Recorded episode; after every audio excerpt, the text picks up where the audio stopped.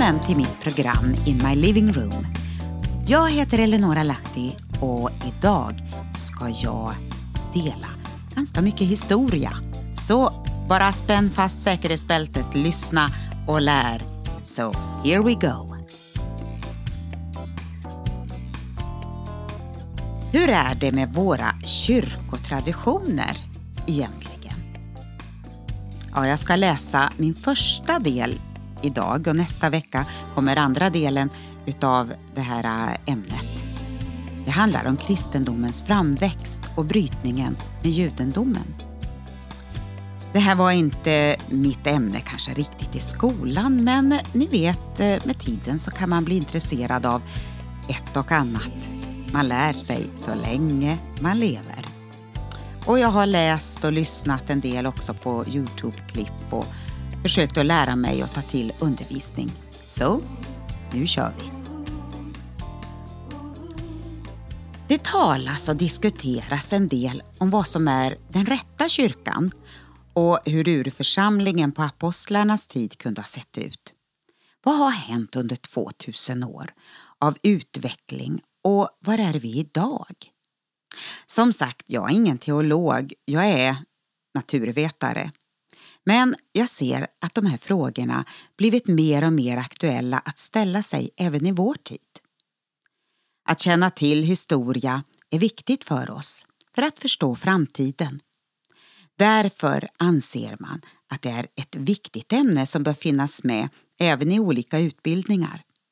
Jag ser också det som mitt eget kristna ansvar att försöka se och förstå något utav historiens utveckling för att kunna avläsa tidens strömningar.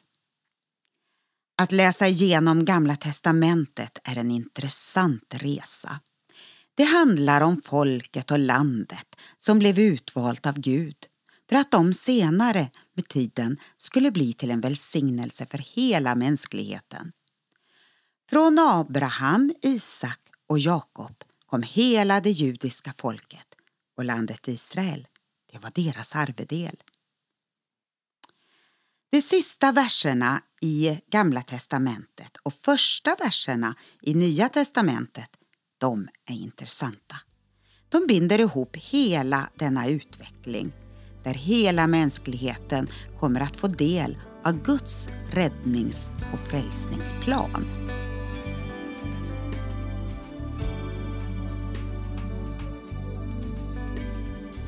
Se, jag ska sända profeten Elia innan Herrens dag kommer, den stora och fruktansvärda.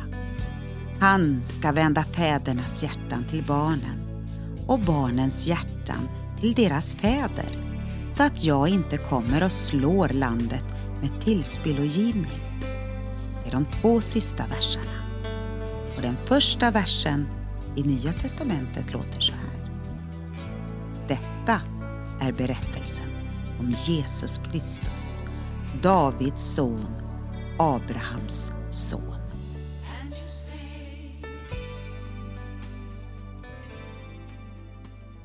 Vi har delat in Bibeln av tradition i Nya och Gamla testamentet. Men jag tror det är en helhet som hänger samman. Jesus sa Tro inte att jag har kommit för att upphäva lagen eller profeterna. Jag har inte kommit för att upphäva utan för att fullborda i Matteus 5 och 17. Den avslutades inte och den upphör inte. Det som kallas Guds Torah. Men den har fullbordats i Jesus Kristus genom hans död och uppståndelse.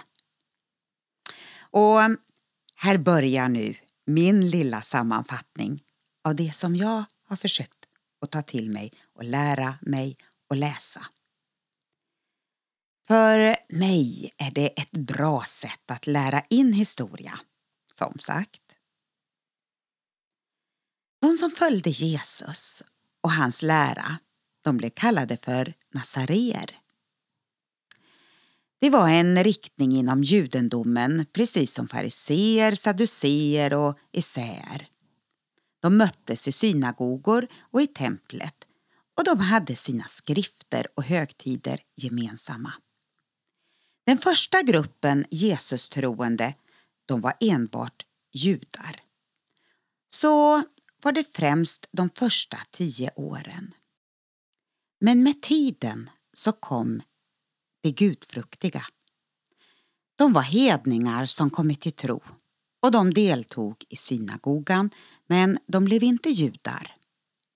I Antiochia hade det utbrutit en stor väckelse 46 efter Kristus.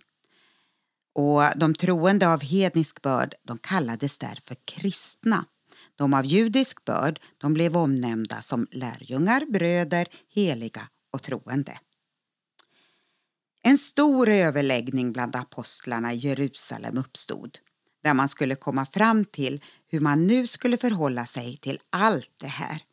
Man såg hur Guds ande även kom över hedningarna. Och Guds tilltal i deras skrifter fick nytt ljus och uppenbarelse.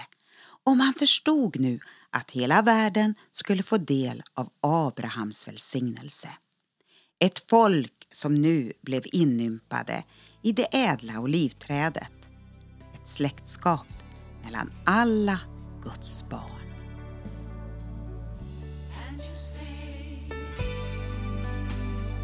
Ni var på den tiden utan Kristus, utestängda från medborgarskapet i Israel och hade ingen del i förbunden med deras löfte.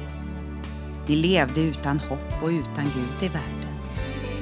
Men nu har ni som är i Kristus Jesus, som en gång var långt borta, kommit nära genom Kristi blod. Efesierbrevet 2, vers 12 och 13. Nej, någon rituell konvertering var det inte tal om för dessa hedningar och inte heller skulle de ge upp sin etniska identitet och bli judar. Så långt var allt lugnt. Men snart började problem och förföljelse torna upp sig. På mitten av 60-talet kom Paulus till Rom som fånge och många troende hedningar och judar bodde i staden. Så utbryter en stor brand i Rom. Och vad hände då? De blir beskyllda av kejsar Nero för att ha anlagt denna brand och en stor förföljelse bryter ut. De kristna blir nu kopplade med judarna för sina judiska värderingar, sabbatsfirande med mera. Och straffskatt läggs på de som firar gudstjänst efter judisk modell. Och judarna, de blir nu betraktade som statsfiender. Judarna gör nu uppror mot Rom år 66 efter Kristus. Men Titus tar sina trupper i krig mot Jerusalem och templet bränns ner år 70. Nu fanns det politiska, kulturella och finansiella skäl för de kristna att börja distansera sig från judarna. Och judiska ledare tappade förtroendet för dessa kristna som med tiden ledde till förakt för de Jesus-troende som tidigare funnit sin tillhörighet till synagogan och man saknade nu en plats att fira sabbat. I Antiochia kommer det fram i olika skrifter mellan år 70 till 108 efter Kristus från en församlingsledare, Ignatius, att judendomen och kristendomen är två storheter som måste hållas isär. Mm. Och kopplingen, den var bruten. I Jerusalem var utvecklingen inte lika snabb och påtaglig. Där fanns troligen bara judisk troende församlingar, alltså utan hedningar, fram till år 135 efter Kristus. Men brytningen mellan de troende judarna och judendomen kom i och med det andra judiska upproret på 130-talet. Bar Kochba ledde det upproret och Rabbi Akiva ansåg att han var den Messias man väntat på. Och det kunde ju inte de troende judarna acceptera.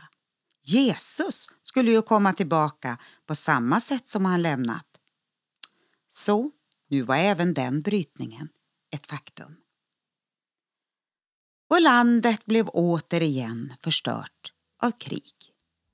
Nu fick landet ett nytt namn, Palestina, av kejsar Hadrianus. Jerusalem bytte också namn och blev kallat för Aelia Capitolina. Och judar förbjöds att bo i landet. Han instiftade även lagar som gjorde det olagligt att fira sabbat och utöva judendom och som troende måste man mer och mer distansera sig från judendomen för att överleva. Under den här perioden började komma det vi kallar för kyrkofäderna. Mycket missförstånd och antijudiska versioner av kristendomen började få spridning. Många kristna ansåg nu att Gud förkastat judarna eftersom man förlorat sitt land, sin stad, ja, även sitt tempel. Mitt i allt detta växer den hedniska kyrkans dominans medan antalet troende bland judarna avtar drastiskt. Teologiskt sett anser man nu att Israel har ersatts av den kristna kyrkan och vi har nu fått en ny generation som ser judendomen som kristendomens motsats. I mitten av 200-talet kan man nästan enbart finna den typen av kristendom. Men hur skulle man då hantera Gamla testamentet? Alla domsord ansåg man gälla judarna, men mm, alla löften de tog man till sig. En knivskarp gräns. Att tolka Bibeln utifrån denna antijudiska attityd och okunskap om den judiska kontexten ställde till och ställer fortfarande till problem. En kristendom som traditionellt formats utifrån att definiera sig som en motsats till judendomen. Det lägger en slöja över evangeliet och den uppenbarelse som Gud vill ska komma från hans eget ord. Att försöka tolka skrifterna utifrån en avsaknad av en sann uppenbarelse och sitt rätta sammanhang och dessutom med en tolkningstradition som blivit vildvuxen. Ja, det kan ge många grader fel i en kristens färdriktning. Och man kan till och med missa målet. En andlig klarsynthet är alltid attackerad och ifrågasatt. I vår tid är strömningarna oerhört starka och påtagliga. Och det går snabbt. Vem trodde för några år sedan att ordet skulle ifrågasättas och även avfärdas? Det som Jesus sa. Jag är vägen, sanningen och livet. Ingen kommer till Fadern utom genom mig. Johannes 14 och 6.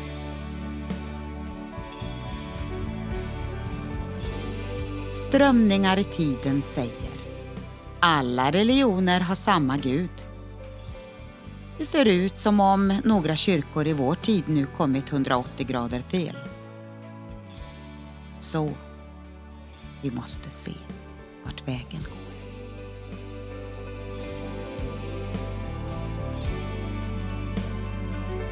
Och nästa vecka då kommer den andra delen utav kristendomens framväxt.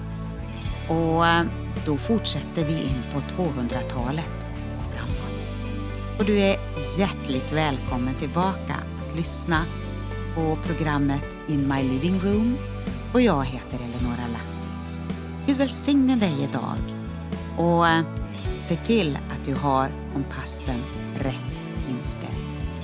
Hej då!